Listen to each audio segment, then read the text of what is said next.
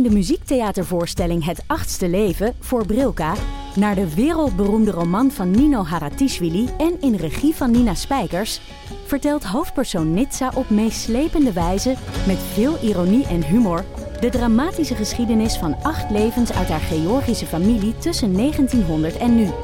Een hartverscheurend en tegelijk troostrijk drama verteld vanuit het perspectief van vrouwen uit verschillende generaties. Waarbij het publiek meegenomen wordt op een emotionele, visuele en muzikale reis door de 20ste eeuw. Koop je tickets voor het achtste leven via oostpol.nl.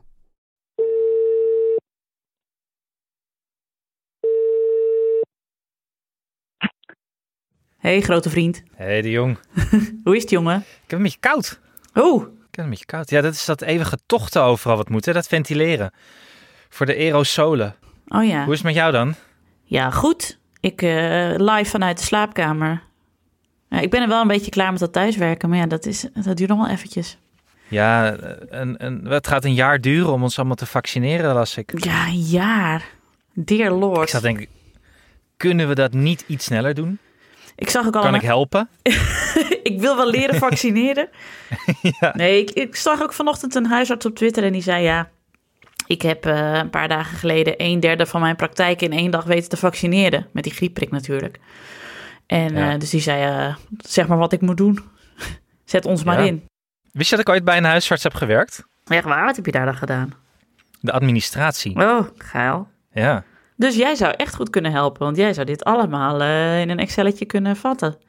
Ik wou maar zeggen, jongen, ik heb gewoon ervaring. Nou, en Ik ben nog niet gebeld. Daarom gaat het zo langzaam. Ja, nou, en ik ben dus heel lang portier in een bejaardentehuis geweest. Dus ik heb heel veel ervaring met oude mensen in, in bedwang houden. Als ze een vaccinatie nodig hebben. Dus nou, ik denk dat wij een gouden duo zijn wat dat betreft. Ik denk dat Gommers maar even snel met ons moet bellen.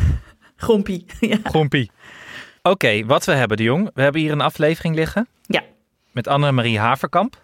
En dat was heel leuk. We hebben buiten opgenomen in de tuin bij Hanneke. ja, want toen mocht je nog buiten in de tuin opnemen. Op, eh, op afstand van elkaar. Dat was nog in de iets minder semi-intelligente light lockdown. Die we een paar weken hebben gehad. Klopt, klopt. En we zaten met z'n vijven dus ook. Ja, op anderhalve meter buiten. afstand. Bij de kippen van Hanneke. Exact. We kregen tosties van Hanneke. Het was ons beloofd. Het is daar zo rustig. Je hoort er nooit wat in het dorp. Ja, jij zat Een- al maandenlang ver- verlangend op Funda te kijken naar huizen in Bergharen, omdat je wist, dit is eigenlijk Walhalla, dan wel Walhalla. Nirvana. Ja, een feest voor je oren. Nou, viel Helemaal niks. even een beetje tegen, want juist Zo. die ochtend eh, besloot Noord-Korea om Nederland eh, binnen te vallen.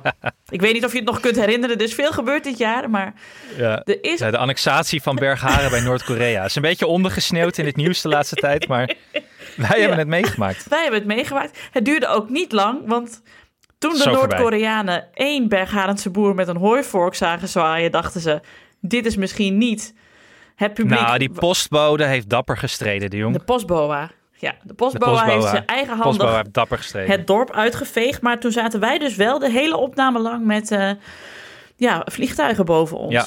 Ja, dat is niet anders. Nou ja, terwijl het dus wel gek was, want het was dus wel midden in de semi-intelligente, lichte lockdown light. Dus wel met minder vliegbewegingen, zou je zeggen. Maar daar was in Bergharen helemaal niks van te merken. Ik denk nog steeds, het zou ook nog steeds de ere van ons kunnen zijn geweest. Hè? Dat Hanneke gewoon iemand heeft ingeseind van, eh, er komt hoog bezoek naar Bergharen. Laten we er een showtje van maken. Ja, maar dan miste ik wel, want dan, dan zie je toch altijd in dat, in de, dat de rookpluimen van de straaljagers, zeg maar, in de kleur van de vlag zijn. Dat zie je dan altijd in Frankrijk en zo. Maar dat was Ja. niet zo. Ik weet niet of Bergharen een vlag heeft, dus daar zou het ook aan hebben kunnen liggen. Ik, ik ga ervan uit dat Bergharen een vlag heeft, maar dan zal Hanneke die vast in de show notes zitten, zetten. of om de volgende keer aan ons te laten zien. Maar En ja, anders vragen we Janne of ze er eentje wil tekenen misschien. precies. Maar Ja. ja, we hadden Annemarie Haverkamp, die eh, toen genomineerd was voor de Anton Wachterprijs. Maar die hem inmiddels heeft gewonnen. Dus ook Ja, vanaf, deze, vanaf deze plek. Van harte gefeliciteerd, Annemarie. Ik Voor haar debuutroman. Ja, en eh, die ben ik op dit moment aan het lezen. Oh, wat goed. Ja. Ehm, daar hadden we het eigenlijk niet over, want we hadden het eigenlijk over haar eh, zoon Job. Ja, we hadden het over haar zoon Job. Daar schrijft zij al eh, eh, 17 jaar uit mijn hoofd. Al bijna 20 jaar, laat ik zeggen. Daar schrijft ze al bijna 20 jaar lang een column over in het AD. en in de Gelderlander. Uh, dus wij kunnen al jaren meeleven met het wel en wee van een gezin met een meer voudig gehandicapt kind. Ja. Ja, en daar hebben we uitvoerig over gepraat ook met haar. En dat was een hele bijzondere opname, vond ik. Ik ook, want Annemarie is heel eerlijk. Uh, ze, ze maakt het ook niet mooier dan het is. Of uh, om in goed Engels te zeggen, ze sugarcoat helemaal niks. Nee. En toch is Annemarie een zeer, ja, hoe moet ik het zeggen? opgewekt iemand. Een zeer realistisch, nuchter mens. Ja, ze kon er ook gewoon echt heel goed over praten. Dat vond ik heel, heel tof. Ja. Dus uh, ja, wij hebben er ook, ik heb er veel van opgestoken in ieder geval. Uh, yes. Ze heeft het voor mij allemaal een stuk inzichtelijker gemaakt. Ook hoe dat administratief zo allemaal uh, gaat. De romslomp die erbij komt. Ja, waar jij dus dan weer mee zou kunnen helpen. Want jij hebt de administratie gedaan bij een huisartsenpraktijk. ja, ja, ik heb het wel druk al hoor, Nienke. Ik bedoel, het vaccineren, dat, daar wil ik wel even tijd vrij voor maken. Maar, uh, maar PGB's. daar ook het even bij. Ja, ik wil even oproepen aan heel Nederland. Anne kan jullie niet allemaal helpen. Voor de vrienden van de show maak ik misschien een uitzondering. Ja, daarover gesproken. Wij hebben er bijna 100. Bijna. Bijna. Bijna. Wie wordt onze honderdste vriend van de show? Ja, ik wil wel, ik vind wel, we moeten wel naar die 100 toe. We hebben er nu, ik zit even te kijken hoor, we hebben er 89. Mm. Uh, Femke is erbij gekomen en Vera en Gerdy en Janneke en Jolanda en Am dat is een moeilijke naam. Ja. Dirk is erbij gekomen. Rianne, super allemaal. Ja, leuk. Uh, Lieke zie ik. Ik noem ze gewoon even op. Lisbeth, Suzel, Rea, Anne Klomp, René. Nog een René. Uh, Jan-Anne, prachtige naam, Jan-Anne. Ja. Een soort, ja, Janne en, en Anne, maar dan Jan-Anne. Precies. Maar we, ja, we hebben in ieder geval nog even elf nodig. Dat is nu het volgende doel. Help ons als volgende doel te behalen. Op naar de Club van 100. Precies, want wij... Je kan nog bij de Club van 100 horen. Precies, en wij zijn een bescheiden podcast. Wij zijn niet de podcast die elk vrij moment van de dag van de daken schreeuwt dat iemand vriend van de show moet worden. Zo zijn we niet. We zijn bescheiden. We zijn, we zijn geen rode lantaarn natuurlijk. Nou ja, nee, ik, ik wilde het dus niet zeggen, want ik denk mensen vullen zelf wel in dat wij de rode lantaarn bedoelen. Uh, Zo zijn we niet. Maar 100 zouden we toch wel heel leuk vinden. Want wat kunnen wij met die 100 vrienden van de show doen? Uh, met de kleine bijdragen die de vrienden van de show doen. Uh, kunnen wij weer meer mooie podcasts maken. En er komt nog heel veel moois aan. Uh, Zeker. En uh, wij hebben niet veel nodig. Maar ja, als, als je geen vriend van de show wordt, dan wordt Anne op een zeker moment toch weer ja, administrateur bij een huisarts. Ja, wat ook nog even goed om te zeggen is, mm -hmm. is dat deze aflevering begint met een uh, relaas van mij over Macedonische bijen. Oh, ja. nou, veel plezier met de Macedonische bijen. Joe. Joe.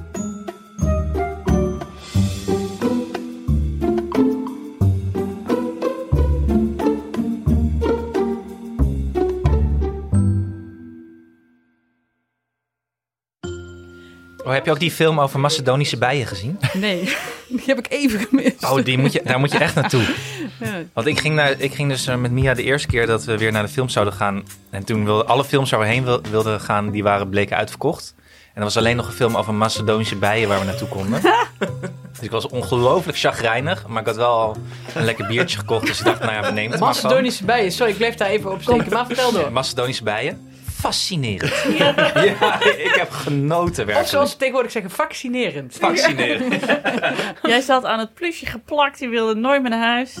Fascinerend. Ik ga, nou, het derde ding dat ik ga opzoeken binnen vijf minuten. Ik kom zo terug. Ja, zijn het dan andere bijen dan Hollandse Denk het wel, ja.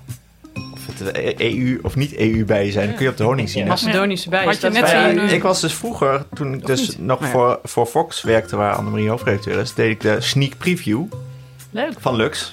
Nou, dat was niet altijd leuk. Oh. Want dan kun je dus soms de arthouse van de arthouse krijgen. Oh. Want dan niet eens de, Dus dan was het een film zonder dialoog of zo, met alleen uh, dans. Even mijn belletje. Tingelingelingeling. Honeyland.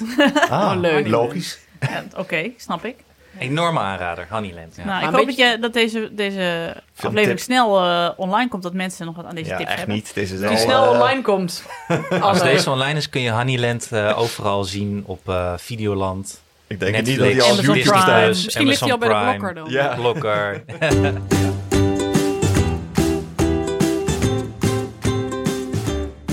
Hallo, ik ben Nienke de Jong, journalist en moeder van Janne van 4,5, Abe van 2,5 en baby Kees. En samen met mijn vrienden Alex van der Hulst, vader van René van 9 en Jara van net 5 jaar oud. Hanneke Hendricks, moeder van Alma van 4 jaar oud. En producer Anne Janssens, vader van Julius van 4 jaar oud, 4,5. En uh, Dunja van 1 jaar oud maak ik Ik Ken Iemand Die. Een podcast over ouders, kinderen, opvoeden en al het moois en lelijks dat daarbij komt kijken. Als er nog meer kinderen bij komen, zijn we straks vijf minuten met de intro bezig. Ja, ja ik ben uitgebaard hoor. Het is nou klaar. Ja, ja. Maar in Hannekes kamer staat een gigantische sterrenkijker. mega. De Astromaatse 90. Ja, ja de, dus de telescoop. Wat kun je daarmee zien? Ik heb wel eens de ringen van Saturnus gezien. Romantisch. Gaaf. Ja, dat is het best wel leuk. Ja. maar- Al heb ik ook wel eens gezucht als ik weer eens uit bed werd gehaald. Ik lig er al in.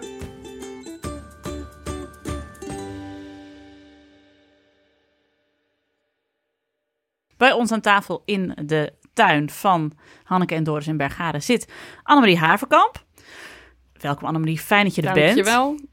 Annemarie is eh, eh, onder andere hoofdredacteur van het Universiteitsblad van de Universiteit van Nijmegen, de Radboud. De Fox is, eh, maar wij kennen haar als columnist van de Gelderlander. eh, Waar ze column schrijft over Job, haar zoon, die meervoudig gehandicapt is. En als eh, roman romancier, romancière, en gelauwerd ook nog eens een keer. Want vorig jaar al de bronzen boekenuil gewonnen. Uil. De bronzen uil, sorry. Ja. En thans genomineerd voor de Anton Wachterprijs. Yes. En ik denk als dit online Ja. komt, dat je wel al weet of je hebt gewonnen, ja, Ja. of nee. Gefeliciteerd. Oh, dankjewel Ja, allemaal. allemaal. Ja, maar dat zijn dus allemaal eh, eh, prijzen voor het beste, beste debuut, hè? Ja. De achtste dag. Ja. Ja. Ehm, dan eerst even een literair, literair vraagje. Zie je nou zelf als romanschrijver of als eh columnschrijver? Of Ik al- wou dat ik mezelf als romanschrijver zag. maar dat is niet zo. Nee, ik ben net naar de uitgever geweest om mijn tweede roman-idee daar te droppen. Wat ik natuurlijk voor me hou. Hmm. Dus niet doorvragen, alsjeblieft. Ehm, dus ik ga, er wel weer, eh, ik ga het wel weer doen. Maar ehm, ik zie mezelf eh, ja, als, als journalist slash schrijver. Mhm. En dan doe ik van alles. Ik zou heel graag meer romans schrijven, maar dat kost heel veel tijd. En ik moet ook werken. Ehm, dus dat laat zich wat lastig organiseren. Ja, en ik heb ook het gevoel dat romanschrijver iets is wat je, niet zo snel tegen je over jezelf zegt of zo. Ja, jij inmiddels wel, maar jij hebt ook een... Toen ik heel een- dronken was bij Thierry Baudet, Huh? heb ik toch ooit... Ge... Ik, ben romancier. Hoezo? ben jij? Vertel nou maar even hoe jij weer heel dronken bij Thierry Baudet Dat was natuurlijk met Japke D. Bauma. Stond ik op het boekenbal te paffen Ah. op het balkon. En toen kwam Thierry- en het regende, dus we stonden met z'n tweeën onder een parapluutje. En toen kwam Thierry Baudet eraan. En ik heb altijd gezegd dat als ik ooit Thierry Baudet tegenkom, dat ik hem in zijn kont zou knijpen. Of nee, in zijn ballen. Het is wel een verschil. Maar dat durfde ik toen natuurlijk niet. Dus ik heb Ook heel veel praatjes altijd. En toen heb ik alleen tegen hem gezegd, wat doe jij hier? Toen heb ik gezegd, ik ben romancier. Niet auteur. Literair auteur, Oh, ja. dat heb ik gezegd. Je hebt gelijk. Wat eigenlijk hetzelfde is. Ja, ja, ja. Ja, Auteur. dus eh, dat was eigenlijk weer een schaamtevolle actie van Hanneke Hendricks. Ja. Ik kan je met... Wat zei hij toen? Maar misschien heeft hij Weet ik meer. onthouden daardoor. Ja. ja. Nee, want Nou. hij onthoudt dus helemaal niks. Want ik zat een keer bij hem bij... eh, wat was het? Pauw of bij... Iedereen heeft hier Thierry Baudet eh, ontmoet. Ja, oh ja, Ik was- niet. Nee, ik ook niet. Maar, Gewoon niet. ik zat met hem bij Pauw. En ik zat er met Fidan, eh, ik kies. En eh, hij kwam als laatste natuurlijk aan tafel. En hij gaf ons allemaal een handje. Maar dan ook je niet aankijken. Hè? Gewoon een hand geven. Thierry Baudet. En dan, dan weer doorlopen. Voordat hij kon horen hoe ik dan heette. En hij, hij stelde zich dus ook voor aan Fidan. En ik denk, ja, dat klopt toch niet. Die hebben elkaar toch al lang een keer ontmoet. Ik bedoel, die vrouw die doet zoveel interviews. En Fidan ook tegen mij van... Ik heb die gast letterlijk al 15 keer gezien. En elke keer flikt hij dit weer. Hallo, ik ben. Ja, ik ben Fidan Ikkies. Nou, kunnen we door? Weet je wel zo? Dus hij weet van jouw bestaan al niet meer af. En of je nou literair auteur bent of romancier. Er maar misschien had ik hem toch in zijn ballen moeten knijpen. Ja, dat Zeker. dan had hij misschien Ja. Maar eigenlijk is dus, je kan dus alles tegen hem zeggen. Ja. Als je je voorstelt. Maakt dus niet uit wat je had gezegd. Nee. Ik ben blarg kwarfsneus. Ja, precies. En ik, ben, eh, en ik hou Macedonische bijen en ik heb er een film over gemaakt. Blarg, kwafneus. Ja, dat is volgens mij... Bij, eh bij Per Seconde Wijzer zitten altijd namen van... Ik denk, die heeft de redactie verzonnen. Oh, echt? Blarg, kwafneus of... eh, Ik denk dat het wel bij 2 voor 12 dat die studenten van de HKU allemaal niet bestaan. Want dit is gemaakt door Jawel. studenten van de... Oh, Ik ken een eh, jongen die daar heeft daar gestudeerd en ooit zoiets gemaakt. wauw. dus wel een... eh, Maar ik weet niet of ze alles maken. Maar is dat onderdeel van het curriculum of doen ze dat voor de lol? Ja, nee, dat is een opdracht. Top. Ah, oké. Ja. Ja, leuk. Handig. Ik kan ook wel dat soort opdrachten misschien ergens... eh, Krijg gewoon... Ja, dat weet ik niet. Monteer, is- even, monteer is- even die 16 Ja, maar- uur oude hoer van ik ken iemand die. Dan ga ik Nee, ik, had toch zo eens een van die stagiaires van Hanneke dat laten doen. Zij kan dat heel goed. Ik Serieus. zag niemand in je hok net zitten. Nee, maar die zat natuurlijk thuis. Sinds je de Astro Master hebt, kan er geen stagiair meer bij. Die stagiair zat ook thuis. Was er corona. Die kan toch hier zitten? Hoe dan ook, allemaal in. Ja. Ja, zijn jullie zover?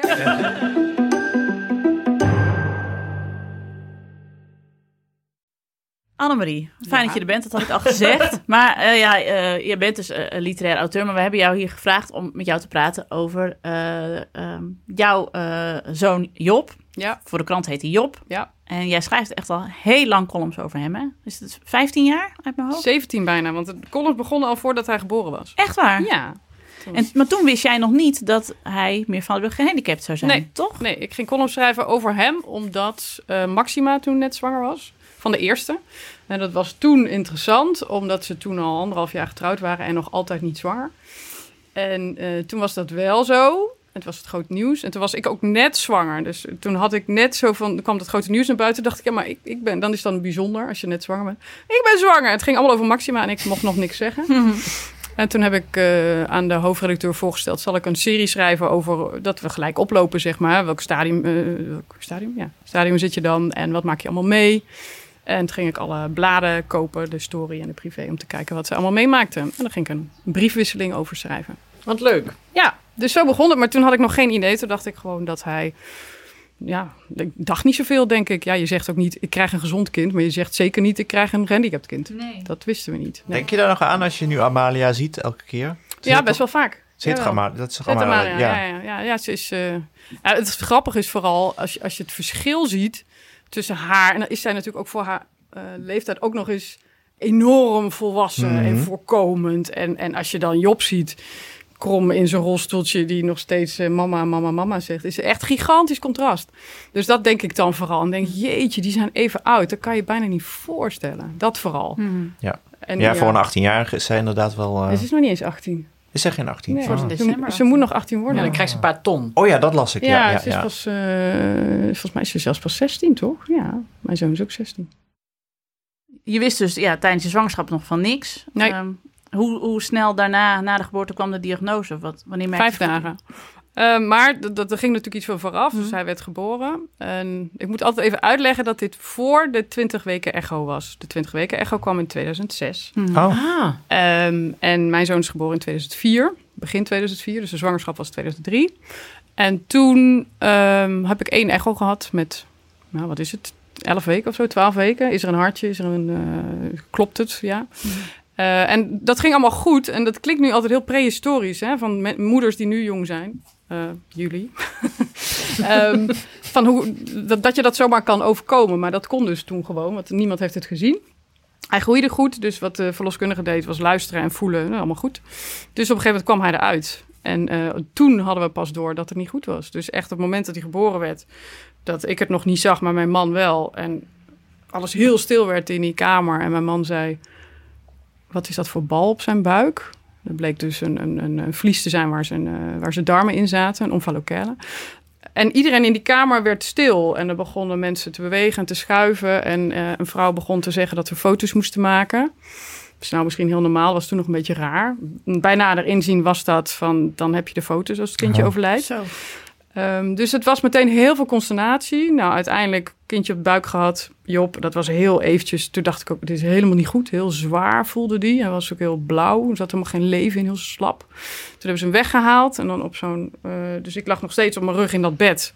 En toen werd hij op een behandeltafel naast mij. In, ja, op een soort aanrechtblad. Kwamen er allemaal dokters bij. En ik zag dus ook niks. Dus ik zag hem ook niet. Maar ik, zag ook niet wat ze aan het doen waren. Ja, er werd heel veel gepraat. En, en mijn man eh, Rob stond er maar omheen en moest dus foto's maken. Eh, dat soort gekke dingen. En toen is hij weggebracht eigenlijk naar een afdeling waarvan wij niet wisten welke afdeling het was. Dus hij was opeens weg. En, toen bleven wij ze- achter. Daar zeiden ze niks over.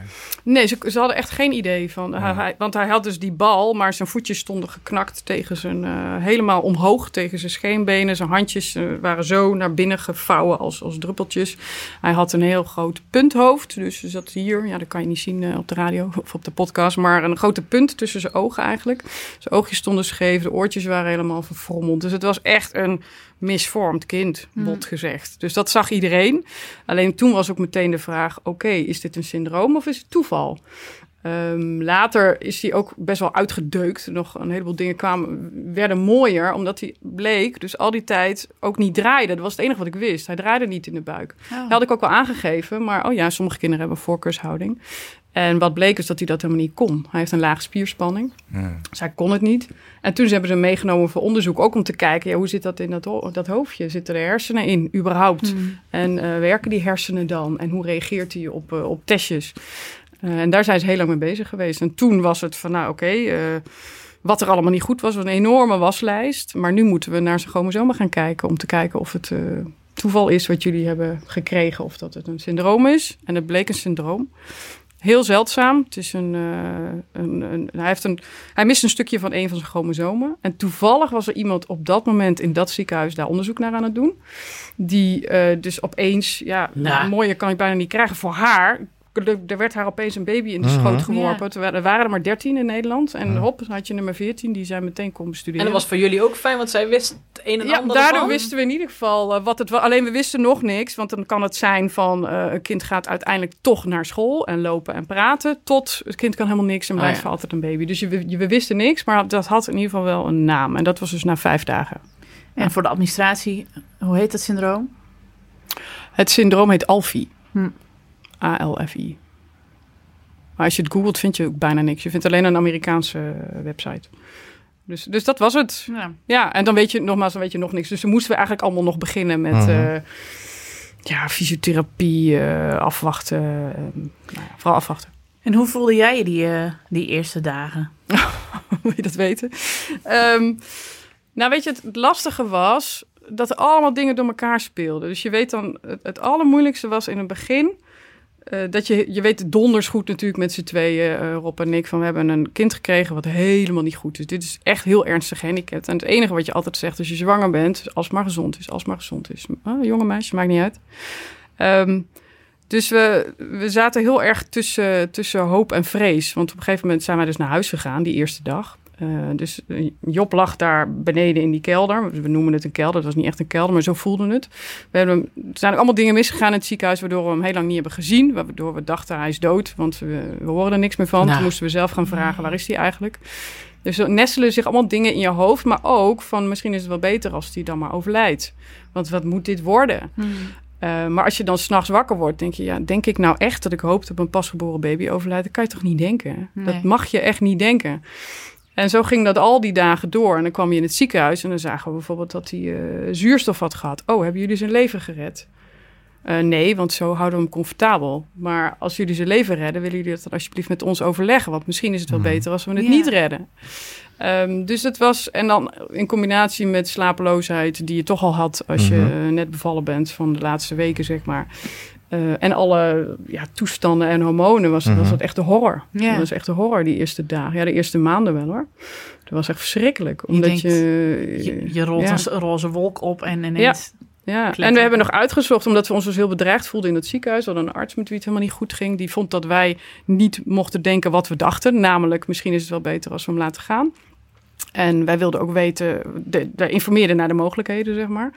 En dat, eh, dat leverde ons heel veel eh, weerstand op van die arts. Toen zijn dat, we- Heb je dan één arts of een team? Of een, nou, dat was er één. was de neonatoloog toen van dienst. En die was dan wel de verantwoordelijke of Ja, zo, of het ja, aanspreekpunt. Ja, Ja, ja. verantwoordelijk neonatoloog. En toen zijn we in paniek eh, advocaten gaan bellen. En een stichting die ging over dit soort dilemma's. Heet ook Stichting Dilemma, is nu opgeheven. Maar helemaal van, wat zijn onze rechten? Wat kunnen we doen? Ze willen ons kind redden. Maar wij weten niet, we zeiden niet eens, we willen het niet. Maar we zeiden, we weten Mhm. niet wat we willen. Dus er was ook nog eens al die paniek bij. Dus ik herinner me vooral dat we daar in die huiskamer zaten, dus zonder kind. Dus ik weet ook nog dat Rob die eerste avond meteen met heel veel lawaai die box weer uit elkaar haalde die naast de bank stond, weet je wel. En ongeveer van de trap af naar beneden heeft geflikkerd in de kelder van nou laat maar. Eh, maar heel veel paniek, echt heel veel paniek. Ja. Ja, en uiteindelijk wordt die paniek, wordt, eh, wordt, wordt, ja, dan komt er wat rust. Hè, van oké, op een gegeven moment was het duidelijk, hij gaat niet dood. En hij kan ook niet dood. En hij leeft omdat hij ademt. Heel simpel. Weet je, we kunnen nu niks doen. We hebben opinion gedaan. En toen, toen kwam er pas rust. Weet je, van wat, je kunt dat alleen maar in die eerste dagen uitzoeken. Ja. Als je hem zou willen laten gaan, ja, dan moet dus niet iemand hem nu gaan redden. Nee. Ja. Dus er was heel veel druk. En op een gegeven moment werd het wat, wat uitgesmeerd. En uh, hij, is, hij, hij is nog drieënhalve maand in het ziekenhuis geweest. En wij dus thuis. Ja, heel gek. Mm. Uh, en er kwam, het duurde lang voordat er rust was. Maar toen er eenmaal wat rust was, nou ja, dan, dan, dan heb je iets minder paniek. En vooral als je weet, ik hoef geen dilemma. Ik, ik heb geen dilemma meer. Het, het leek alsof wij moesten kiezen of hij wel of niet blijft leven. Ja. En of dat zo is, we hadden die keuze eigenlijk helemaal niet. Um, maar zo voelden het wel. Van wij moeten nu voor dit kind instaan. Want wij zijn verantwoordelijk voor hem en voor zijn geluk, zeg maar. Ja. Weet je? Ja. Mhm. Niemand anders. Dus als wij nou niet alert zijn, dan gebeurt er misschien iets waarvan we de rest van ons leven ons schuldig voelen ten opzichte van Job. Ja. Van wat, oh, we hadden aan de wel moeten trekken. Terwijl je, hij heeft een syndroom waar je niks van af weet. Nee. Uh, je moet jezelf razendsnel inlezen over wat is het toekomstperspectief eigenlijk. Ja. Want met welk toekomstperspectief zijn jullie toen naar huis gestuurd na 3,5 maanden? Eigenlijk nul. Echt helemaal geen, uh, geen perspectief van, ja, we moeten afwachten. Um, hoe die zich zal ontwikkelen. En vooral fysiek was wel duidelijk dat hij heel slecht was. Hij heeft, had echt heel veel mankementen. Dus dat was niet best. Maar verstandelijk, dat weet je gewoon niet. Dus dan moet je mm. echt wachten van, gaat hij praten? Ja, weten we niet. Gaat hij, wat snapt hij? Geen idee. Maar je weet al wel op dat moment, het zal geen zelfstandig uh, mens worden. Weet je, mm. die, die gewoon zelf door het leven gaat. Dat wisten we allemaal niet. Nee. En jullie wisten ook al van, er komen een paar grote uh, ingrepen aan, grote operaties. Ja, absoluut. Die dat heeft hij ook al gehad toen hij heel jong was, toch? Ja, hij heeft een buikoperatie gehad. Ze hebben dus uh, dat gat in zijn buik gedicht... door zijn buikspieren naar elkaar toe te trekken... met een matje ertussen en dan dicht te naaien. Dat was belangrijk, uh, omdat je hem eigenlijk niet goed kon verschonen en zo. Dus je kon hem niet goed verzorgen. En we hebben vlak voor zijn eerste verjaardag heeft hij een schedeloperatie gehad. Dat wilden we eigenlijk niet. We dachten van ja, laat maar die puntschedel, weet je. Mhm. Ik vind het wel best. Uh, waarom zou je mooier maken? Uh, maar dat moest omdat zijn hersenen anders te weinig ruimte zouden hebben om, om, om te ontwikkelen. En dan beperk je hem dus weer in zijn mogelijkheden. Ja. Dus dat was uiteindelijk geen dilemma meer. Dat moest voor zijn eerste verjaardag.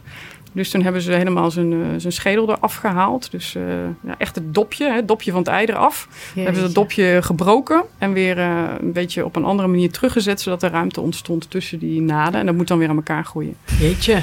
En dan is hij is die dus nog geen één. Want ik heb nog een foto van hem dat hij voor ze, bij een taart zit met één kaarsje erop. En heeft hij een, een, hoofd dat echt zo groot is als een voetbal, helemaal blauw. Mm. Want was na die operatie was hij net weer thuis. En dat waren eigenlijk de twee grootste. Later heeft hij nog allerlei andere operaties gehad. Maar ja, die, die zijn bijna verwaarloosbaar uh, vergeleken bij deze. Ja, en het was in, ik weet dat we bij de eerste operatie zeiden we nog, hè, dan, dan vragen ze: wil je hem, dat we hem reanimeren als er iets mhm. misgaat? Maar de eerste hadden we een nee en bij de tweede hadden we al een ja. Weet hmm. je, toen waren we al zo aan hem verknocht en eigenlijk ook wel overtuigd van zijn, zijn blijheid. Uh, toen hij eenmaal kon lachen, was het toch wel heel anders. Mm -hmm. Op een of andere manier doorbreekt het echt alles. Van, oh, maar hij was eigenlijk heel tevreden. Want mhm. jullie konden meteen wel goed contact met hem krijgen? Ja. Maar heb je, hoe, hoe, hoe bouw je een band op die eerste 3,5 maand in het ziekenhuis? Ik denk dat we niet echt een band op hebben gebouwd, eerlijk gezegd. Ik denk dat we, ja, na verloop van tijd misschien wel. We gingen eigenlijk heel trouw daarheen. Mm -hmm. je, ja, het is, het is je kind, weet je wel. We wilden heel goed waken voor wat ze met hem deden. Maar hij lag aan allemaal slangetjes en van alles, allerlei bewaking. Dus we durfden hem ook niet echt vast te pakken. En ik weet nog dat die verpleegkundige, die wilde ons dat heel erg stimuleren. Van pak hem maar, raak hem maar aan, uh, doe hem maar in bad. Maar ik herinner me dat ik vaak erbij stond. van, nou, doe jij het maar. Ik mhm. durf niet zo goed. En later kun je natuurlijk zeggen, ja, het was waarschijnlijk ook een soort zelfbescherming. Hè? Van, ik ga me niet hechten aan jou. Misschien raak ik je kwijt over een week of twee weken. En op den duur ging het steeds makkelijker, minder slangetjes. Um, lekker om hem toch op schoot te nemen. En hij werd toen, omdat hij heel groot was, hij lag, lag op neonatologie. En dat zijn uh, vaak hele kleine kwetsbare kindjes. Maar hij was gewoon volgroeid.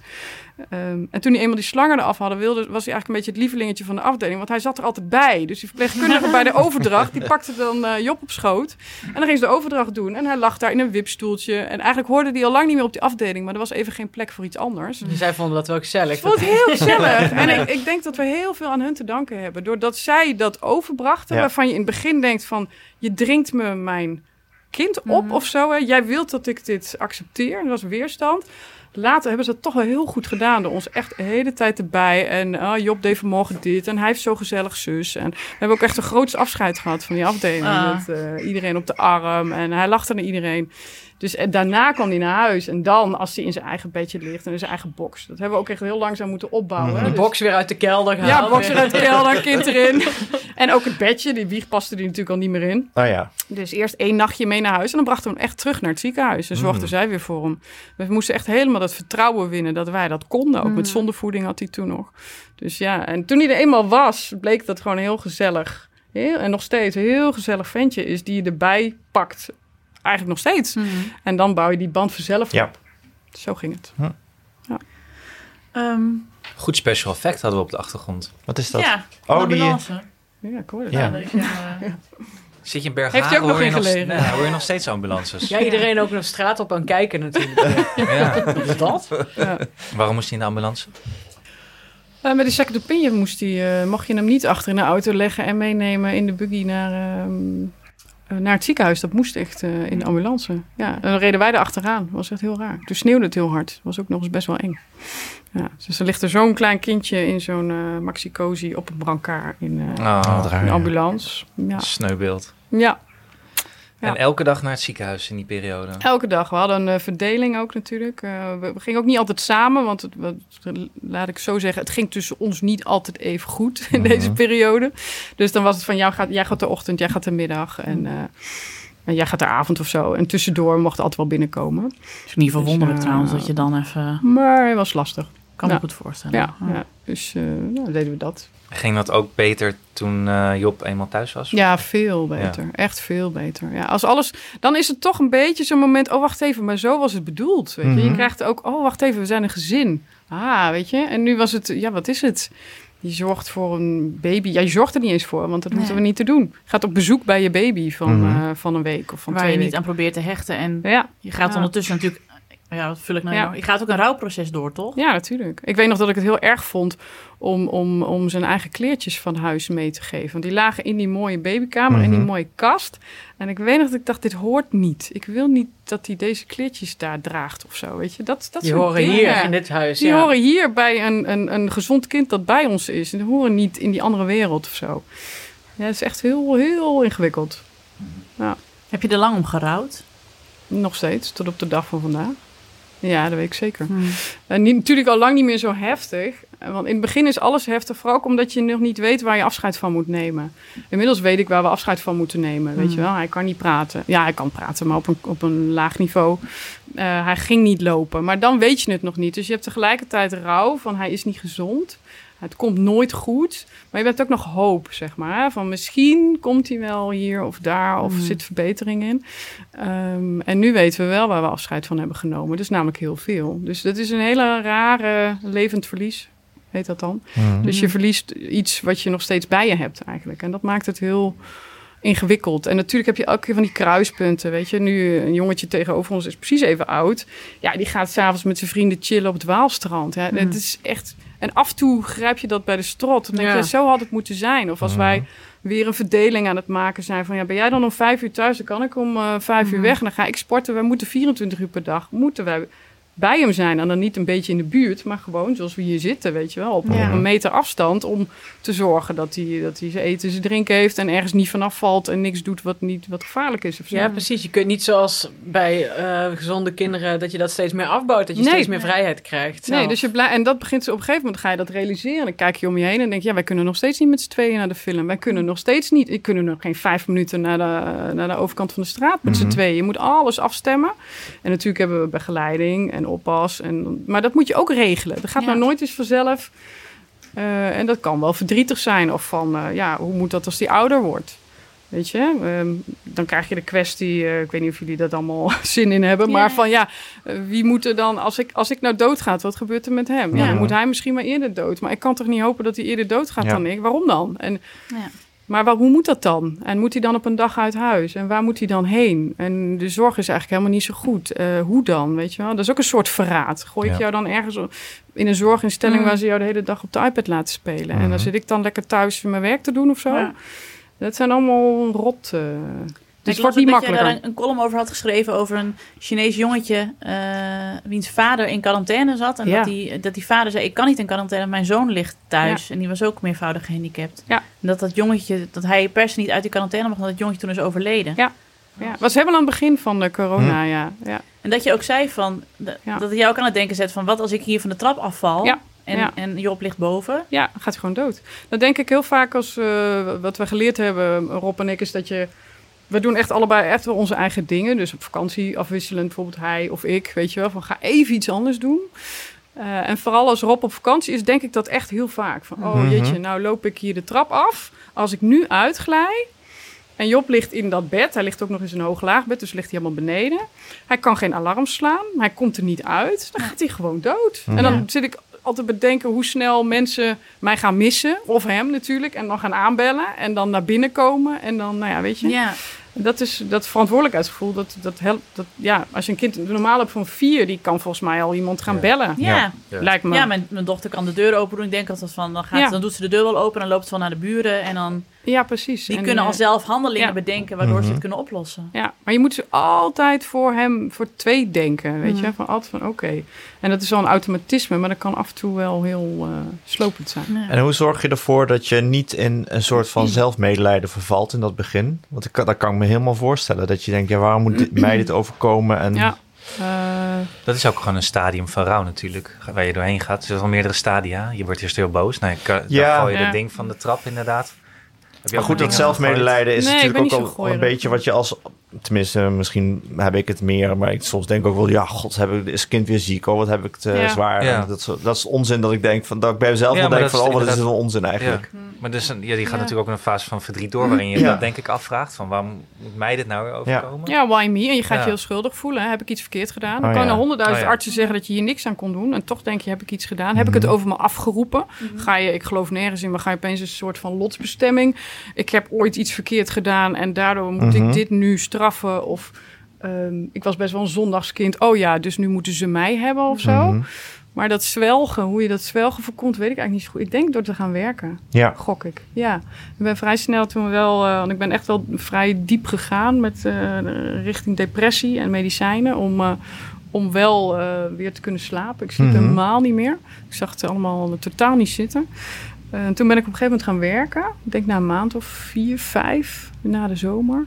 En toen, eh, dan, dan merk je dat je er zelf ook nog bent. Dat Ja. niet dat kind alles is. En dus ook niet dat alles naar de kloot is. Want dat dachten wij, hè? we zullen nooit meer op vakantie gaan. Mhm. We zullen nooit meer lachen. We zullen nooit, we moeten in een ander huis gaan wonen. Want hier kan die niet als hij gehandicapt is. Dus je ziet alles wat je hebt, zie je helemaal zo Ja. zwart ingekleurd worden. En op een gegeven moment als je gaat werken, kom je daarachter... oh, maar wacht even, ik kan nog steeds verhalen maken. Mhm. Ik kan nog steeds het huis uit. Ik kan nog steeds mensen interviewen. Ehm, en als je die verhalen maakt, haal je daar weer uit- voldoening uit. Want dat, of iemand zegt, oh, mooi verhaal of zo. Ja, Ja. Dus ik denk dat, dingen voor jezelf gaan doen. en dan, Zit ja, een en- straaljager of zo? Ja. Wat een special effects heeft Hanneke allemaal besteld? fantastisch. En ze heeft de, de fanfare van Bergharen komt zo.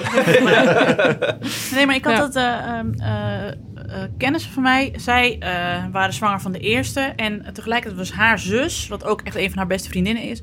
ook zwanger van de eerste. En toen kregen zij, de, het ene stel kreeg bij de 20 weken echo te horen van... het is niet goed. We weten nog niet wat er aan de hand is, maar het is zeker niet goed. En willen jullie het laten komen, ja of nee? Weet je wel, Zo ernstig was het. Ja, En de zus had gewoon een goede 20 weken echo en gewoon een gezond Ja. kind. En toen vroeg ik ook aan de vader van het aanstaande gehandicapte kind van... Vind je dit nou ook lastig dat je bij Ja. hen zeg maar, de zorgeloosheid ziet en zo? En hij zei... Nou, niet dat hij kwaad op mij werd of zo, maar weer van, hij echt zo uitgebleven zei... Nee, natuurlijk niet. Hoe, hoezo? Weet je, het, is, het een heeft niks met het ander te maken. En dit overkomt ons. En we weten nog niet wat er op ons afkomt, maar dit overkomt ons. En daar, Ja. daar kan mijn schoonzus niks aan doen. En mijn zwager, die kunnen daar niks aan doen. Nee. Ik gun, gun het hen van harte. En dat vond ik zo knap. Ik had toen zelf nog geen kinderen. ja. En ik weet ook niet, ze zullen misschien op bepaalde momenten wel hebben gedacht... Nou, krachtterm, waarom overkomt ons dit ja inderdaad? nou, niet? ik zou het heel knap vinden als je het helemaal niet denkt. Nee. Ja. Ik bedoel, ik denk het nog heel vaak. Ik denk Ja. het echt, ik denk het nog steeds als, eh, als ik zwangere mensen zie... oh, dat zal wel weer goed gaan. Mhm. ja. En dat is echt helemaal niet leuk. Ik ben er niet Nee. trots op. Maar inmiddels weet ik dat, weet Ja. je wel. Dat ik dat denk. Nou, de hele wereld krijgt gezonde kinderen en jij niet. Nou, oké. Dat denk ik wel, ja. ja en dat- Terecht of niet. Nou, en ik kan me ook voorstellen wat jij zegt, dat gaat ook je hele leven door, omdat je er de hele tijd mee geconfronteerd wordt dat hij, dat zijn, zijn leeftijdsgenoten verder gaan en Ja. Ja. zich ontwikkelen. En, Ja, en de ouders dus ook. Hè? Die ouders Ja. gaan ook verder en die ontwikkelen zich. En Ja. eh, dat is bij ons natuurlijk niet. We hebben gewoon nog steeds een grote baby. eh, waar we heel happy mee zijn als die lekker bij ons Ja. ligt. Maar het is, het is totaal onvergelijkbaar. Het is Mhm. gewoon niet zoals het hoort. Hoe het dan ook hoort. Dat weet ik Ja, niet meer. want, want kun je vertellen, want dan, eh, eh, als we even een klein stapje terug nog doen, want hij had die operatie gehad toen hij één was van zijn schedel, zeg maar. Ja. En toen kwam hij weer thuis. Ja. Hij kon natuurlijk waarschijnlijk niet naar de, naar de crash, neem ik aan, of wel? Nou, hij is... eh, Kon dat wel? Ja, dat weet ik eigenlijk niet. Ik, ik zit even te denken, nou, ik denk dan altijd in foto's. Dat doen jullie misschien Oh, ook ja. wel. Weet je wel, van op welke foto zag hij er met zijn Mhm. punthoofd uit? Ja, toen hij op de opvang was, had hij nog zijn punthoofd. Dus toen zat hij er al op. Oké. Dus we hadden al vrij snel wel een opvang. Dus hij werd opgehaald van huis met de taxi. Werd hij daarheen gebracht in Elst. Maar dat was, dat was een Eh, speciale, dat was een speciale opvang, Ja. ja. En toen is hij dus een tijdje met die operatie thuis geweest. En daarna is hij wel weer gegaan. Dus we hadden wel gelukkig dat hij ook uit huis ging. Ehm, en daarna is hij naar, ehm, ook naar speciaal onderwijs gegaan toen hij vier of vijf was, denk ik. Ik weet niet precies welke leeftijd. Maar, eh, en dat, ja, dus daar heb je wel een soort van gewoon schoolritme. Hij is wel overdag weg Ja. en hij komt weer terug. ja, we zitten wel vlak bij de Duitse grens. Ik ben- begin me wel een beetje zorgen te maken inmiddels. Volkel is dit. Huh? Vliegbasis Volkel. Vonkel, daar komt dit vandaan. Volkel. Volkel. Brabant. Ja. Maar, goed, je hebt ook wel eens ja. geschreven, je kreeg dan behalve dan de zorg ook nog een hele administratie bij. Ja. Wat ook nog steeds. extra werk. Ja, ik eh, moet zeggen, daar heb ik nu niet zoveel last meer van, want dat doet Rob tegenwoordig. Maar het is echt een tweede baan hoor. Je moet dan PGB, persoonsgebonden Mhm. budget krijg je dan. Hè? Ja, we moeten altijd eh, bewijzen dat we niet frauderen. Het PGB bestond al wel. Alleen eerst was het zo dat ik gewoon geld kon overmaken. Stel, jij bent de zorgverlener van, van mijn zoon, dan kan ik jou gewoon geld overmaken. En dan was dat gewoon akkoord. En nu kwam daar de Sociale Verzekeringsbank tussen. Eh, en die moest die administratie gaan doen. En daar ging het fout, want er was geen capaciteit. En je moest inderdaad allerlei bewijzen overleggen. Maar PGB zit altijd in de verdachte hoek. Omdat als er gefraudeerd wordt met het PGB... en dat gebeurt inderdaad regelmatig... eh, vooral door bedrijven, Mhm. van die bedrijven die opspringen... dan komt het altijd in het nieuws. Dus Ja. het is, je hebt altijd de schijn tegen. Terwijl het voor ons echt perfect is. Mhm. Ik kan be- bepalen wie ik inhuur. Maar het gaat, de administratie is ons dus eigenlijk uit handen genomen. Wanneer was je het nog wel steeds moet doen. Nou, ik heb daar in de, in de NRC toen heel veel over geschreven. Dus wanneer is dat geweest? Ik denk een jaar of vijf geleden, gok ik. Dat was één groot drama. En er waren er ook allemaal zorgverleners die werden niet uitbetaald. Die hadden al drie maanden geen salaris. En eh, omdat die SVB kon het allemaal niet bolwerken. En dat was heel frustrerend. Het was echt heel frustrerend. Er was ook geen hulp. Van nou ja, dat is dan maar zo. Oh, u gaat failliet omdat u al drie maanden niet hebt betaald hebt gekregen. Nou, jammer. Nou ja, dus dat, dat was toen echt een, eh, Ja. een behoorlijk drama, ja. Maar wel voer voor heel veel columns. Ja, absoluut, ja. Ja, dat ging wel lekker. ik heb daar goed aan verdiend aan die crisis. ja. Nou ja, en je kunt er af en toe, kun je, dat, dat is dan wel weer fijn als je zo'n podium hebt. Dat je Mhm. wel eh, gewoon uit eigen ervaring kunt opschrijven hoe dat dan gaat. En dat was vooral mijn man, die ging altijd bellen. Maar ik ben officieel, ben ik het aanspreekpunt. En dan kreeg hij de telefoon. Dan ging hij bellen voor dat geld. En dan zei hij, ja, maar meneer, u mag ons niet bellen. Weet je wel? Dan zei hij, ja, maar ik ben de vader. U mag ons niet bellen. Ja, maar ik bel toch. En dan moest hij een wachtwoord maken. En daar had hij dan Patrick van gemaakt, van Spongebob. En het ging een heel eigen leven leiden. Het was echt Kafka. Ja. Maar eh, ja, goed. We hebben het weer gered. Tja.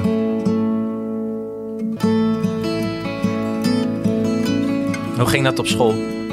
Ehm, ja, goed, want hij, hij is heel erg... Hij is wel van de gezelligheid, dus hij vond het eigenlijk wel prima. En hoe was toen zijn ontwikkeling dan? Eh, Eh, ja, dat is altijd een beetje lastig. Ik kan wel zeggen, hij is vergelijkbaar met een kind van, nou laten we zeggen, drie. Maar dat is ook weer niet waar, want hij is een kind van drie met 13 jaar meer levenservaring. Ja. Snap je? Dus hij, sommige dingen heeft hij heel goed door. Sociaal is hij best wel sterk. Hij weet heel goed hoe hij moet bespelen. Maar hij praat wel op het niveau, denk ik, van drie of zo.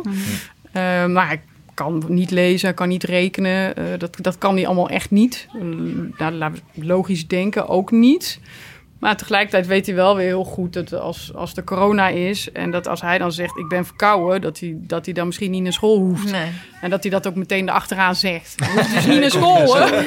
En dus dat zijn van die dingetjes, dat dan wel weer heel... Dus Ja. het, is, het is, wat dat betreft, heb ik ook wel eens geschreven... het is echt een soort alien. Het is niet een kind van drie of een kind van zes Nee. of een kind van zestien. Het is een soort apart, uniek wezen. En waar je ook heel lang over doet voordat je de gebruiksaanwijzing kent. Mhm. Als wij moeten overdragen aan iemand, of er komt een nieuw iemand, ja, eh, als je inderdaad vraagt wat kan die, Mm, ja, dat moeten we even laten zien ook vaak dan, weet je wel. Hey, Alma. Alma komt uit school, hè, mensen. Hoi, hoi. Hey, schat. Was het leuk op school? Oh. Te direct, sorry. Ja. Nu niet gelijk aanspreken. Ja, zo reageert hij voor mij ook altijd. hè. Wil je een macaron? Oh, Oh, ja. binnen. Oh, oké. ja. ja, dan zou ik die nemen. Kennissen van ons hebben een gehandicapte dochter. Die is inmiddels eind 20. En uh, voor, de bruiloft, voor onze bruiloft gaven zij Janne, en Janne was toen anderhalf, een setje Duplo. Of een setje Playmobil. En dat was voor kinderen vanaf twee jaar of tweeënhalf, geloof ik. En Janne was een voorlijk kind en stopte geen dingen in haar mond. Dus die kon je dat al wel. We hadden het nog eventjes bewaard, hebben het snel aan haar gegeven. Maar ik zag dat erop staan en ik wist van...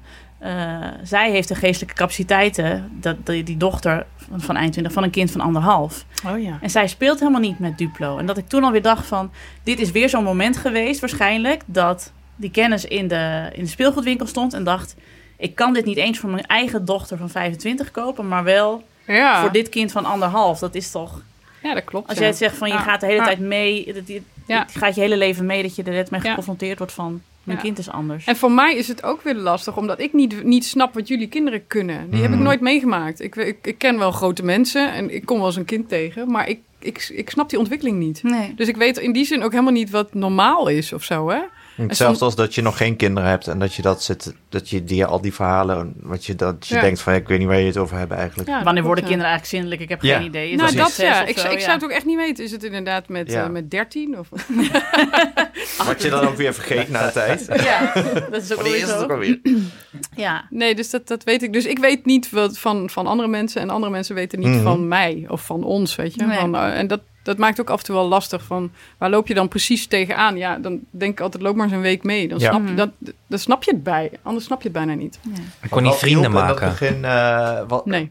wat hielp dat in dat begin? Wat, Dat is duidelijk. ja. ja, dat is duidelijk toch? Volgende vraag.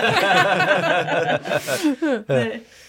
Maar wa- wat hielp in het begin? Van Wat anderen deden of zeiden of, of eh, hielpen? Aan mij? Ja. Wat mij hielp Of of wat bij hielp hem helemaal niks? Of had je, Ehm, had je heel veel Nou, jawel. Wat, wat ik wel grappig vond om te ontdekken. Je hebt eh, vrienden, weet je wel. Mhm. Tenminste, ik had vrienden, niet iedereen vrienden. Maar ehm, dat je er op een gegeven moment op zo'n crisismoment achterkomt... dat eigenlijk elke vriend of vriendin had zo'n soort van eigen rol. De ene ging mij afleiden en ging met me schilderen. De andere ging met mij wandelen. En de derde die ging harde grappen met mij maken. En de Mhm. vierde die... ehm, nou, daar kon ik heel goed tegen praten of zo. En de vijfde vond ik misschien irritant, wat ook een functie heeft. Mhm. Ehm, Zeker. en dat was eigenlijk wel goed om te merken. Dus dat je, maar waar je, wat je zelf kan doen, is zorgen dat die mensen wel een beetje dicht bij je blijven. Je moet ze Ja. wel een beetje meenemen. Weet je, want ik lees ook wel eens verhalen van, nou, eh, we zijn al onze vrienden kwijtgeraakt. Hè, doordat wij een gehandicapt kind kregen en mensen ons niet meer konden volgen met, met hun hoofd.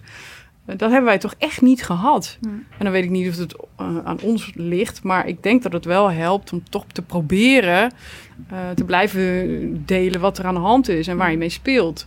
Eh, welk, met welke gedachten je speelt, zeg maar. Alleen moet ik wel zeggen, door de loop van der jaren... ik ga niet elke keer zeuren over dat gehandicapt kind. Ja, behalve in de krant dan. Maar ik ga, Mhm. ga niet de hele tijd tegen al mijn vriendinnen zeggen... nou, ik vind dit wel zwaar hoor, nu ik zie dit en dat. En dat is ook weer een risico. Want Mhm. af en toe denk ik nu bij mezelf... nu Job de 16 is, denk ik, ik moet het weer iets meer doen. Mhm. Om Ja. juist te zeggen van jongens, ik vind dit niet makkelijk. Nee. Nee. En zodat mensen ook inderdaad weten hoe het echt met jullie gaat. En niet, en niet gaan denken van, ah ja, maar met Annemarie en Rob gaat het eigenlijk Gaat altijd wel goed. Ja, Precies. Je die moet- hebben het een ja. plekje gegeven of zo. Ja, nee, exact. Dus maar dat, het klinkt ook eh, wel dat ze dus dat je eh, vrienden eh, had die iets met jou persoonlijk deden. Die het niet zagen als Ja. een groot geheel waar je iets dan mee moet. Nee, Maar nee, gewoon persoonlijk met mij, jou iets. Ja, En ja, ook- het, wa- het waren ook mijn vrienden. het zijn nog steeds mijn vrienden. Ehm, inderdaad, waar, die, die er wel heel erg voor mij waren. En Mhm. eigenlijk kwam, kwam Job op de tweede plaats. Van ja, ik was nog steeds... Maar het ging om mij. Mhm. Op, in, in die groep tenminste. Dat was geen groep, allemaal losse vrienden. Maar van zij zijn er voor mij. Eh, en ik heb een gehandicapt kind gekregen, oké. eh, maar daar hebben zij niks mee te maken. Daar Nee. konden ze toch niks aan doen, zeg Mhm. maar. Weet je wel? En zo'n column, is dat dan ook een goede uitlaatklep? Ik Ja, dat vond ik wel. Peter Verhelst zei ooit van, toen had hij zo'n auto-ongeluk gehad en had hij een boek over geschreven. Toen zei ik, eh, ja, toen vroeg, interviewde ik hem en toen vroeg ik, ja, hoe ga je er dan mee om? En toen zei hij, ik was blij dat ik schrijver was. Mhm. Dat je dan toch Ja. iets, je kunt er dan iets van maken of zo. Ja, precies. Wat ik altijd eh, vind is als je dan... eh, soms zijn er natuurlijk hele verdrietige dingen. En omdat ik die column elke keer schrijf en nu elke week... ehm, schrijf je eigenlijk toch het meeste wel op. Er zijn heel weinig dingen die ik, waar ik niks mee doe. En vooral die hele verdrietige dingen, ja, dan geef je de woorden aan en dan maak je er precies 300 woorden van, weet je wel. Dan staat er een punt en dan heb je een gedachte uitgewerkt, die kader je in. En dan denk ik altijd, het is een soort schilderijtje. Je doet er een lijstje omheen, je hangt hem aan de muur, je gaat van een afstandje kijken en dan denk je, ja, maar dit is mooi. En Mhm. dat is wel een soort van voldoening.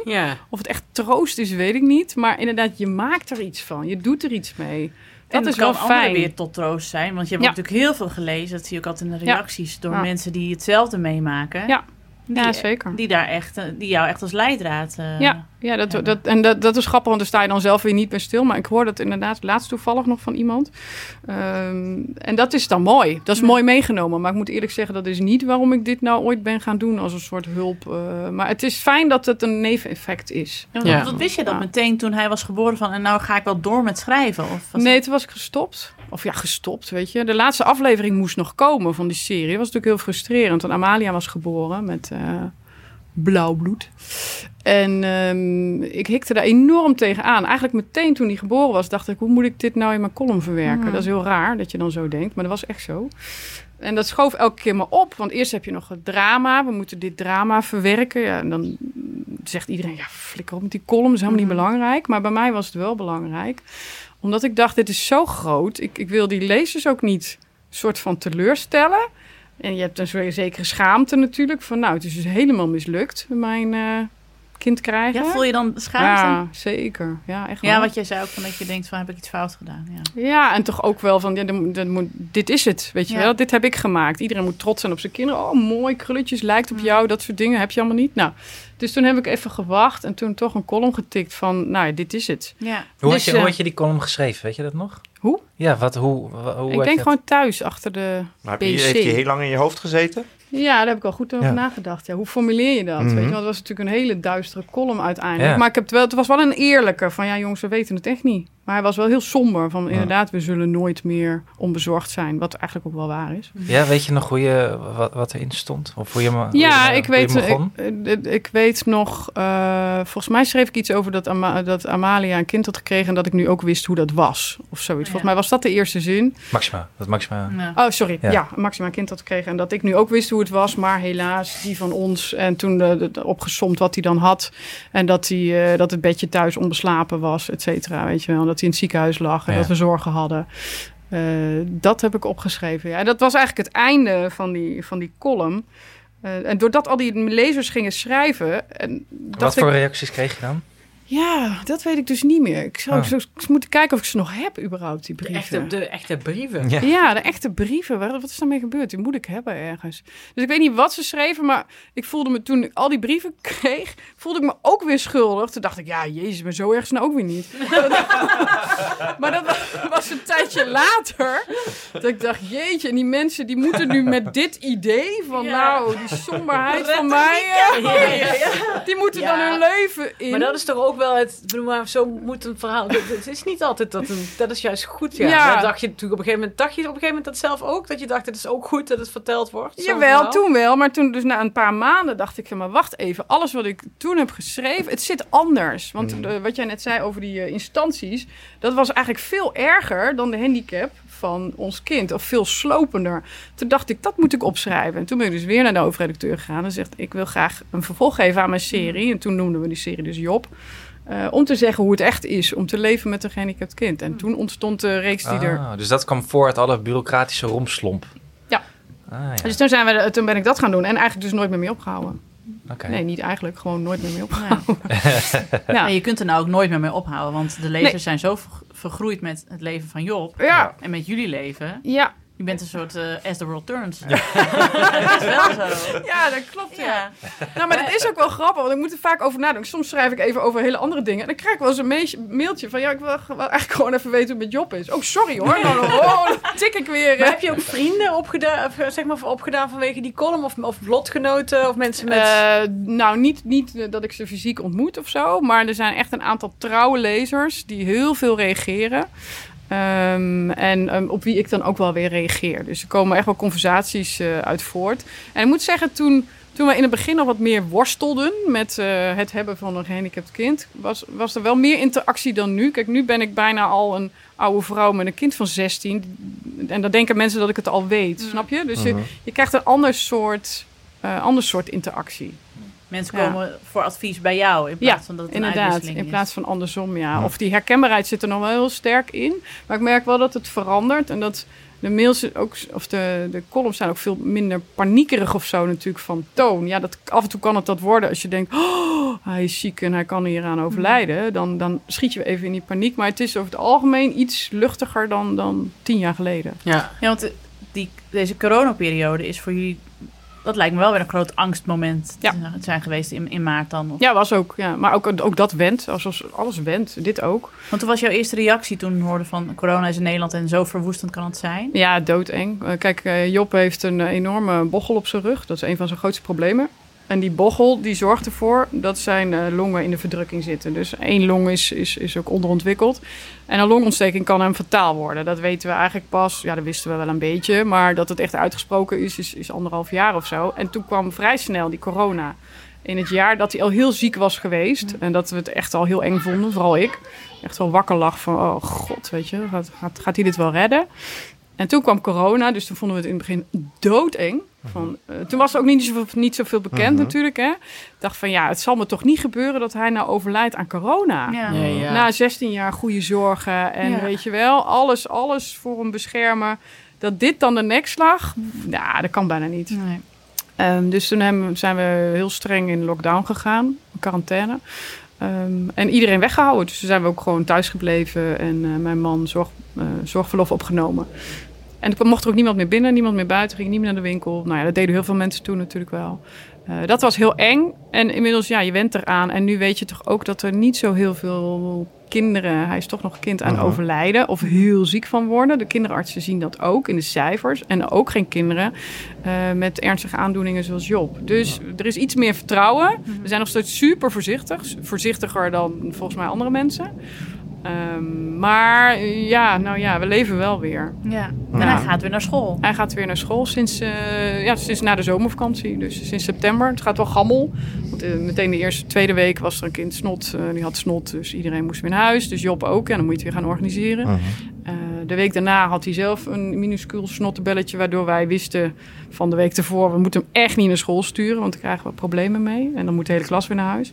Dus het is gammel. Mhm. En nog steeds, ja, ik heb liever niet dat hij het krijgt, lijkt me duidelijk. Ehm, Maar de, de, de angst is wel een beetje weg. Ik, ik, was, ik was heel bang en ik dacht ook van ja, straks ligt die IC vol. En dan zeggen ze bij Job van nou ja, eh, weet je, dat gaan ze dan doen.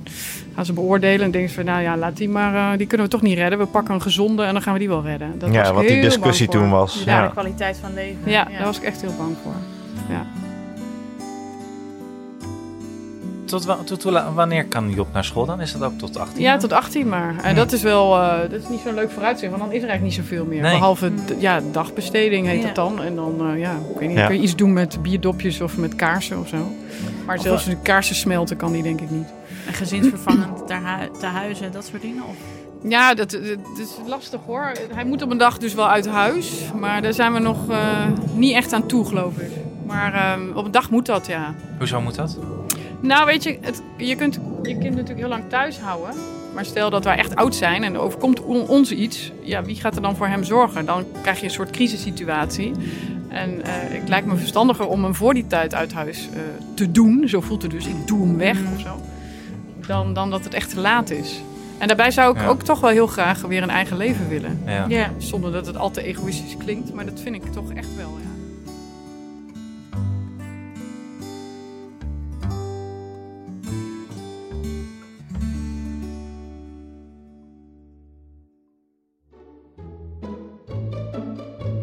Hoeveel vliegtuigen zijn Ja. dit? Is er, een, is er zo'n parade of zo? ik weet ook niet wat dit is, dus uh, doen ze normaal nooit. Uh, Waarom zit het niet in die podcast van Dennis Gaans over de luchtmacht?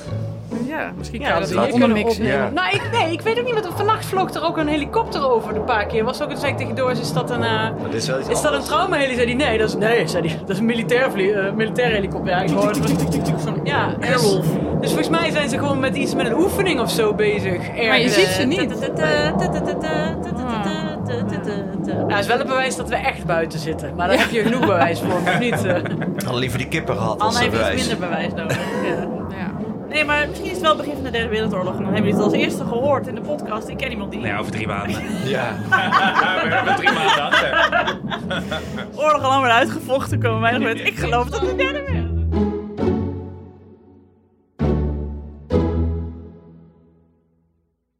Want het is misschien dan dus nu gek om te vragen, maar hoe zie jij dan de, de toekomst met Job? Ehm, ik denk dat hij voorlopig, eh, zoals we nu voortgaan, gaan we voort, zeg maar. Ehm, en uiteindelijk eindigt hij in een, in een, eh, kleinschalige instelling. Waar Ja. wij dan elke dag op de fiets naartoe gaan en helpen en er zijn. Dat is mijn ideaal. Ja, Echt dat we hem heel dicht in de buurt hebben, zeg maar. Maar het liefst wel in een, in een, op, in een andere plek. Ja, en verder moet je gewoon hopen dat hij, eh, dat hij zo blij blijft als nu. Zolang hij geen pijn heeft, wat best een wonder is, gezien al zijn eh, ja, tekortkomingen en zijn misvorming, eh, heeft hij best wel een happy leven. Nou, niet best wel, echt enorm. Hij heeft geen zorgen, hè? dus alle Mhm. zorgen zijn voor ons. ja. Hij heeft geen Ja. idee. Hij weet niet eens dat hij gehandicapt is. En als ik vraag aan hem van Job, wil je rennen? Dan, eh, dan doet hij met zijn voeten, gaat hij stampen hè, op zijn eh, plaatje van de rolstoel. Dus hij weet niet eens dat hij niet kan lopen. Ja, of hij zal het wel weten, maar het is geen, het is geen issue of zo. Nee. Hij heeft helemaal geen beperkingen. En hij heeft eigenlijk nog minder zorgen dan, dan, dan, dan wie ook. Echt, Mhm. als een kind. En neemt dat ook een deel van jouw zorgen weg? Dat je weet, het, Ja. het maakt hem niet uit? Ja, absoluut. Ja. En vooral dat hij dus heel happy is. Maar ook wel soms als, ik, als het echt even moeilijk is... dat ik me gewoon ook echt tegen hem aan kan gaan kruipen. Weet je wel, even zo vasthouden. En ik denk, Ja. Zijn er ook momenten dat hij, dat hij niet happy is? Of wordt het echt niet? Nou, nauwelijks. Vroeger Ah. kon hij nog wel eens boos worden. Dat is ook gek, hè? Want hij, hij ontwikkelt zich dus wel. Hij zal echt niet meer zo krijsen als een klein kind... of verongelijkt zijn of boos zijn. Doet hij niet meer. Hij huilt niet eens meer. Waarom niet? Wat is er dan gebeurd waardoor je niet meer huilt eigenlijk? Ehm, dus hij is eigenlijk bijna nooit unhappy. Ja, hij vindt het niet leuk als ik de iPad afpak. Maar tegenwoordig kan hij die gewoon netjes zelf uitdoen... en dan snapt hij dat ook. Dan kan hij nog wel wat boze gebaren maken. Maar nee, is eigenlijk altijd, het zit altijd goed in zijn vel. En of ik hem nou op de fiets zet, of in de auto, of de bank laat liggen, of eh, dat vindt allemaal goed. Dat is wel echt een groot verschil met het gemiddelde kind van 16. Ja. ja. ja. Maar heeft hij iets van de puberteit, denk je? Of Ja, merk je, nog niet merk- echt. Oh. Nog niet Maar echt. dat kan nog wel komen. Ja, kan. Dat is ook wel spannend van wat gebeurt er dan. Hè? Ja. Wordt hij misschien dwarser? Ja, hij heeft wel enorm de baard in de keel, dus dat is heel gek. Soms als ik naar huis bel en eh, Rob neemt op, dan hoor ik eh, Job er doorheen. En dan kan ik bijna niet horen wie wie is. Behalve dan dat ik Rob kan verstaan en Job niet. Ja. Dus, maar dat is heel gek. Dus hij wordt wel groter. Ja. Hij heeft ook al haar en zo. ja, ja. ja, maar ehm, hij speelt nog met dezelfde speelgoed als toen hij twee was. Drie. Ja. Dat is wel raar. ja. En op een gegeven moment moet hij dus eh, uit huis. En is dat eh, iets waar je dan hulp bij krijgt? Hoe je zoiets moet doen al? Of eh, zijn, wat, hoe, Zelfs hoe dat weet ik zoiets? eigenlijk niet echt Ah. hoor. Eh, er is een heel mooi wooninitiatief eh, momenteel in Nijmegen waar we niet bij zijn aangehaakt omdat het wat eh, te vroeg kwam. Toen Ja. zou hij daar over twee jaar al moeten wonen en dat willen we nog niet. Eh, maar ik hoop dan dat er over zeg vijf jaar weer zoiets voorbij komt. Dat we wel kunnen aanhaken. Ja, en dan ga je gewoon mee in zo'n initiatief. ja. Maar ik, ik zoek het ook nog niet op, moet ik zeggen. Nee. Ik heb me nog niet in verdiept. Ook niet het einde van die schooltijd. Het is echt nog een beetje kop in het zand. eh, ja. Weet dat de mogelijkheden heel beperkt zijn. Maar hoe beperkt? En ook dan is het weer, ja, we zullen het toch zelf moeten regelen. Dus dan zorgen we wel weer dat we genoeg eh begeleiders hebben die dan leuke dingen met hem gaan doen. Ja. En dan, ja, Ja. doe het maar zo. En heb je nog veel contact met die 13 anderen die dat toen eh, nee, waren? nul. Oh, Echt helemaal niet. Er is er ooit eentje na eh, Job geboren. En die is een keer bij ons op bezoek geweest. Er was toen nog een babytje. Ook nooit meer contact mee gehad. Nee, eigenlijk helemaal niet. Ook, ook omdat, omdat ze iedereen zo... anders is. Ja, ze waren zo uit, uiteenlopend. We Ja. hebben ze één keer gezien bij een, eh, bij een eh, patiëntendag. Toen was Job nog maar drie maanden of zo. En dat ik ook dacht, ja, ik, ik, ik zoek het ook niet of zo. Mhm. En ik, ik vind het ook heel fijn om in mijn normale leven... Ik bedoel, mijn gehandicapte leven is thuis, zeg maar. Dat is een groot deel natuurlijk. Maar als, als ik daar niet ben, wil ik heel graag andere dingen doen... Die, die, die echt mijn dingen zijn. Dus ik zoek het ook niet op, hoor. Patiëntencontact of, of een verenigingen of ja... Dan denk ik, nou, ik vind het fijner om mijn tijd dan in te zetten om te schrijven of om te lezen of om, om films te, of naar vrienden te gaan of zo. En dan wil En ik dat heel graag achter me laten. En ook nog, denk ik, omdat het verloop van dit syndroom bij elk kind zo anders is, dus dat je... Ja, wat heb ik eraan? Dan zie ik dat. Oh, Ja. die kan dit en die kan dit niet en die kan dit wel. Ja, en dan? Ja. Ja. En worden er nou ook minder kinderen geboren met het syndroom? Dat je dus 20 weken echo's en dat soort Ik denk het wel, maar ik, Ja. durf het niet met zekerheid te zeggen hoor. Eh, Dat er al het sowieso was, het weinig- waren al zo weinig. Maar je kunt nu natuurlijk op 20 weken echo kun je bijvoorbeeld die navelbreuk kun je zien. Ja. Eh, en die navelbreuk is vaak een indicatie voor dat er iets aan de hand is. Dus dan zouden ze kunnen, verder kunnen zoeken. Kijk, ik weet niet zeker of ze, of ze dit syndroom eruit pikken. In het begin was dat nog niet zo. Met, uh, met die niptest en zo. Ja, ik weet het niet zeker. Maar nee, nee. Ik, ik neem aan dat er minder kinderen met dit hmm. syndroom geboren zullen worden. Hmm. Maar ja, je kunt natuurlijk ook voor kiezen om te zeggen... ik ga er gewoon voor. Misschien wordt het wel een hele goeie. Ja. ja, dat mag, hè? Kan. Ja, ja. ja precies. En, en blijf je altijd over hem schrijven? Uh, ja, ik heb natuurlijk als periodes dat ik denk, dan, dan zie ik mezelf weer aankomen met het hm. gehandicapte kind. Ik denk, god, wordt er zelf onderhand moe van. Um, maar er zijn ook periodes dat ik denk, oh, ik krijg heel veel reacties. Dan ga ik weer door. En ik zou eigenlijk niet zo goed weten hoe ik moet stoppen. Hm. En ook niet zo goed waarom hoor. Maar um, laat ik zo zeggen, het zal niet snel van mij komen. Als ik een slechte periode heb, denk ik altijd, kom op, even overbruggen. En dan komt die, die, die, die, die modus komt wel weer. Mhm. Dat je erin komt en dat je... Natuurlijk zak je af en toe even in, dat zal jij ook hebben, denk ik. Dat je even denkt, oh, pff, moet ik het nou weer over hebben? Ja. Maar ik zou het wel eigenlijk vrij... Ik vind het onderhand ook wel vrij uniek. Dan denk ik, nou, 6, 17 jaar bijna over één kind schrijven. Laten we dat dan volmaken zolang hij er is, zeg maar. Hè? En als ik dat podium hou. En het is ook wel een handig archief. Af en toe zoeken ze dingen op. Dan denken, oh, wanneer was dat eigenlijk? Nou, dat, zo, ander heeft dan een fotoboek en ik heb dan mijn columnboeken. Ja. En denk, oh, december 2011. Oké, weet je, dat is ook wel grappig. Ja, te gek. Ja, heeft het ook invloed, dit allemaal, dat je over mensen in hun laatste levensfase bent gaan schrijven? Of heeft dat, had je dat misschien sowieso toch wel gedaan? Nou ja, want dat moet nog even zeggen. Annemie heeft ook een hele mooie serie. Ja. Ja, in het uh, AD en de, de regiokranten over mensen die ja. in de laatste fase van de Nou, weet je, ik weet niet, het heeft er natuurlijk wel mee te maken, omdat je, wij zitten al uh, heel lang te denken over uh, kwaliteit van leven mm -hmm. en, en, en, dat het elk moment afgelopen kan zijn. Dus het is logisch. Voor mij is het vrij logisch om daarover te schrijven. Ja, ja. Uh, en ook voor mij is het heel makkelijk om die ethische dile of die, die dilemma's aan te, na, daarna te vragen. Ik heb geen enkele schroom om, uh, om dat soort gesprekken, wat andere mensen wel eens eng vinden, vind ik helemaal niet eng, want het is voor ons vrij normaal om het daarover te hebben. Wat is goed, wat is niet goed, wanneer is het over, wat wil je nog doen? Nou, als je iets wilt doen, moet je het nu doen, et cetera. Uh, dus dat heeft er wel iets mee te maken, maar uh, de hoofdredacteur van het AD vroeg het mij gewoon. Dus ja, het is ja. niet zo dat ik met het idee kwam, hij vroeg het. En toen zei ik, ja, dat is wel echt, echt op mijn lijf geschreven. Hm. En ik vind het ook fijn om te doen. Uh, inmiddels is hij trouwens afgelopen. En als deze podcast wordt uitgezonden, dan uh, heb je weer een nieuwe serie. ja, ja, maar nee, ik ben er zelf ook weer mee gestopt, omdat het uiteindelijk ook wel weer heel intensief is. Ja, dat lijkt me ook. En dat is uh, dus elke week. En het is vooral de mensen zoeken. Dat je echt moet, moet vragen van, oh, hey, ken jij nog leuk iemand die bijna doodgaat? Oh, ja. En dat is heel vermoeiend. Of ja. je moet gaan googlen, mensen moeten mm -hmm. gaan bellen. En soms heb je het gewoon fout. Ik ben helemaal niet terminaal. Oh, wat verschrikkelijk. Wat verschrikkelijk. Weet je het zeker? Precies. Ik hoor, ik hoor van je man toch hele andere dingen.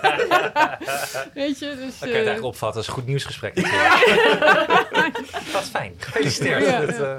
Hé, jammer nou. Shit. Nou, dan zoek ik wel weer verder. Weet u het zeker? Ja. Ik heb nog een vraag wel. Sorry. Want als je, je nee, al die jaren even overziet. Ja. Mooi. Ja. Toch? Ja, ja. mooi. Ik waan mij een helikopter. Ja. Resume. Heeft, heeft, het, heeft het jullie of jou nou heel erg veranderd? Uh, ik denk dat, dat we daar... Als je, dan de positieve kant als je een gehandicapt kind hebt waar heel vaak maar iets mee is, dan ga je toch veel meer, en het is een cliché, maar je gaat echt over bij de dag leven. Want nu gaat het nog goed. Nu kan hij nog in een vliegtuig. Nu kan hij nog dit. Nu kan hij nog zo. En je weet niet hoe lang dat duurt. Ik denk dat we er ontzettend veel uit hebben gehaald. Veel meer dan we anders hadden gedaan. En dat begon al toen hij net geboren was. Toen hij eenmaal uit dat ziekenhuis was, toen zijn wij vrij snel een week op vakantie gegaan. Om even uit al die ellende te komen. Mm. En toen hebben we hem dus gedropt bij de ouders van, uh, van Rob. En dat, dat zijn we eigenlijk blijven doen. Weet je wel? Van ja, nu kunnen we dit nog doen. Nu is het nog een babytje. Ze kunnen nog voor hem zorgen. En nu is hij afgelopen weekend nog bij mijn ouders geweest. Dus we doen het eigenlijk nog steeds. Het wordt wel lastig, maar ik denk dat dat heeft ons... Dat hadden we denk ik anders niet gedaan. Dan had je misschien gedacht, oh, die reis, ach, dat kan over vijf jaar. Of uh, weet je wel, dit of dat. We hebben onze ouders vaak meegenomen op vakantie. Dat we dachten, nou ja, jullie zijn er ook allemaal nog. Dus laten we dan dat, dat moment pakken. Uh, en wat mezelf betreft denk ik dat ik wel een stuk empathischer ben geworden dan ik was. Ik denk dat ik meer oordelen had over hoe het allemaal moet. Uh, hoe de wereld in elkaar zou moeten zitten en hoe je, dat je op je dertigste al lang kinderen had moeten hebben en hoe dan of zo. En dat ik veel meer uh, in dat grijze gebied ben gaan zitten en ook expres eigenlijk van ja, alles kan, weet je wel. Dit is ook een manier om te leven en dit is ook een vorm. En oh, jij hebt dit, ja, dat kan, weet je. En dan ben ik eerder geïnteresseerd in hoe je dat dan doet of hoe je daarmee omgaat. En ja, en het voordeel is ook wel dat je in een wereld staat, een gehandicapte wereld, er gebeurt heel veel goeds. Eh, ik heb het vaak ook in de columns echt wel bewust over de goede dingen. Mensen zien je, weet je wel. Mensen zien je op. Ze, mensen die daar werken, dat zijn geen schreeuwers. Die hebben een goed hart. En, en, daarom zijn ze daar. En dat vind ik toch ook wel een kant van de wereld die, die ik anders niet had leren kennen, denk ik. En dat geeft me ook wel een beetje vertrouwen in de mensheid. Ja. Mooi. Dankjewel voor je mooi verhaal. Graag gedaan. Jullie bedankt.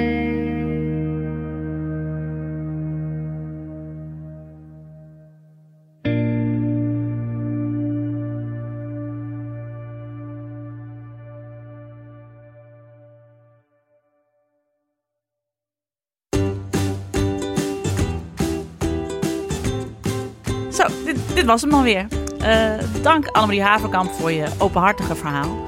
Ik hoop uh, dat jij als luisteraar er iets aan hebt, ervan hebt uh, genoten en iets van hebt geleerd. Dank ook aan mijn vaste tafelgenoten Alex van der Hulst, Hanneke Hendricks en producer Anne Janssens.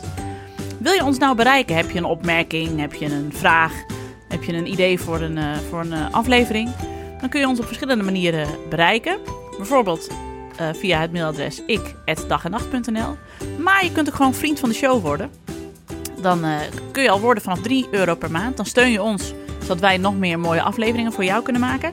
En je kunt ons uh, daar heel makkelijk bereiken. En op onze Vriend van de Show pagina vind je ook allemaal extraatjes. audiofragmenten, verhaaltjes, dat soort dingen. Dus word vooral vriend van de show. Ook omdat wij meer vrienden van de show willen dan de Rode Lantaarn. Daar ben ik gewoon heel eerlijk in. Is wel zo. Maar goed, dit was de outro. Word vriend van de show. Hè, ja, wat nee, is, gezegd? Ik was even mijn mail aan het checken. Vriend van de show, want bij, bij de Rode Lantaarn gaat het alleen maar over hoe spreek je Pogacar uit. Pogacar. Pogacar. Pogacar. Nou. Dat ik nou ook toe moet geven dat ik ook vriend van de show ben van de Rode Lantaarn. Overloper. Ja. Nou goed. Jongens, bedankt voor het luisteren. Tot de volgende. Doei. Doei.